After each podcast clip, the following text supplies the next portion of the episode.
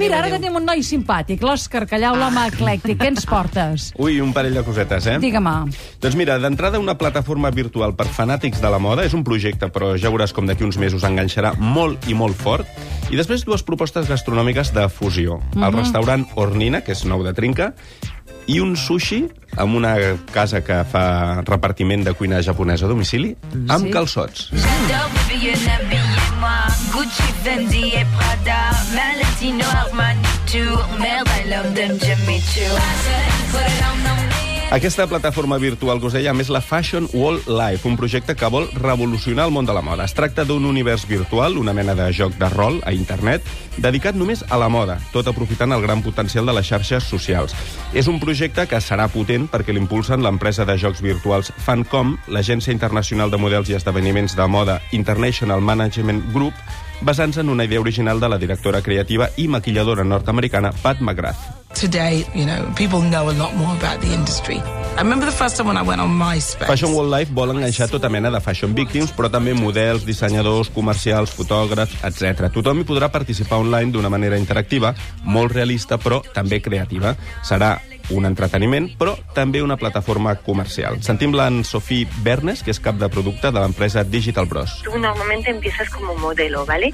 Pero vas a vivir escalar todos los niveles de la industria de la moda y vivir todas sus facetas, desde ser modelo hasta pues maquillador, fotógrafo, puedes ocupar lo que son todos los puestos de este fascinante mundo. I aquí podrà intervenir-hi tothom. És a dir, tu t'agrada la moda i t'hi pots tirar aquesta plataforma, a veure Exacte. què ve d'aquí, de, de París, de Milà, tot el que sí, vulguis. és com un joc... És a dir, fins ara semblaria com una mena de món virtual tipus els Sims, no? Però la gràcia és Sí. que aprofitaran tant les xarxes socials, Molt bé. Facebook, Twitter, etc, com, i això és molt important, el suport de les grans empreses i marques relacionades amb la moda en tots els seus aspectes. Disseny, distribució, comerç, bellesa, revistes... De tal manera que cada jugador o seguidor podrà fer una carrera virtual en aquest món fashion. Se va a ofrecer a las marcas eh, la oportunidad de poder estar completamente integradas den- dentro del juego para hacerlo como más realista y más auténtico. Entonces, a partir de ahí, los usuarios podrán explotar sus talentos, interactuar los unos con los otros, compartir sus trabajos en, en el mundo de la moda, siendo este mundo lo más realista y fiable posible porque ahí están colaborando pues figuras clave de, de la industria. De hecho, se ha anunciado pues esta semana de manera oficial en la Mercedes-Benz Fashion Week de Nueva York.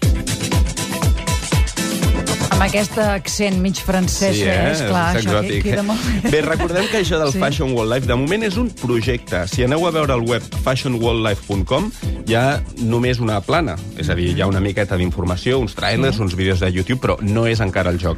Això sí, recordeu que el setembre del 2011, quan es posi en marxa i comenci a enganxar milers de persones, aquí ja n'havíem parlat el mes de febrer. Que consti.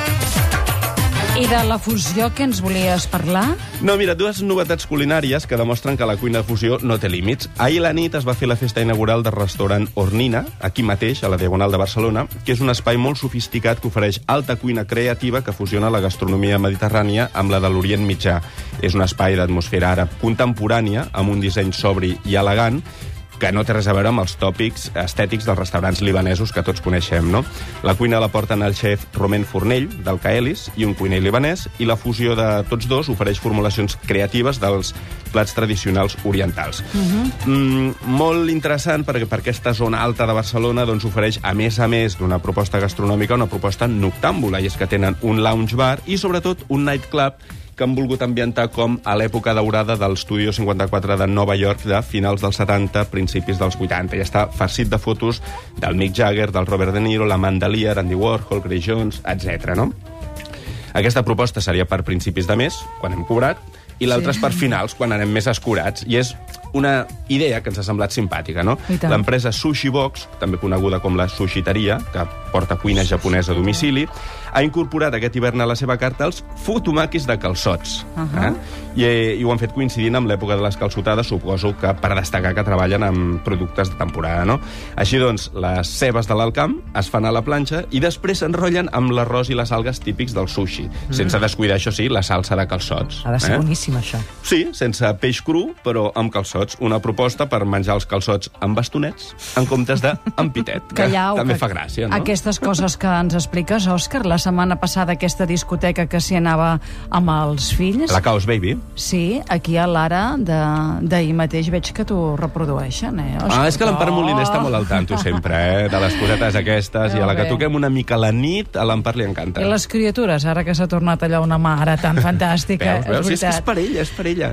Òscar, gràcies. Fins divendres.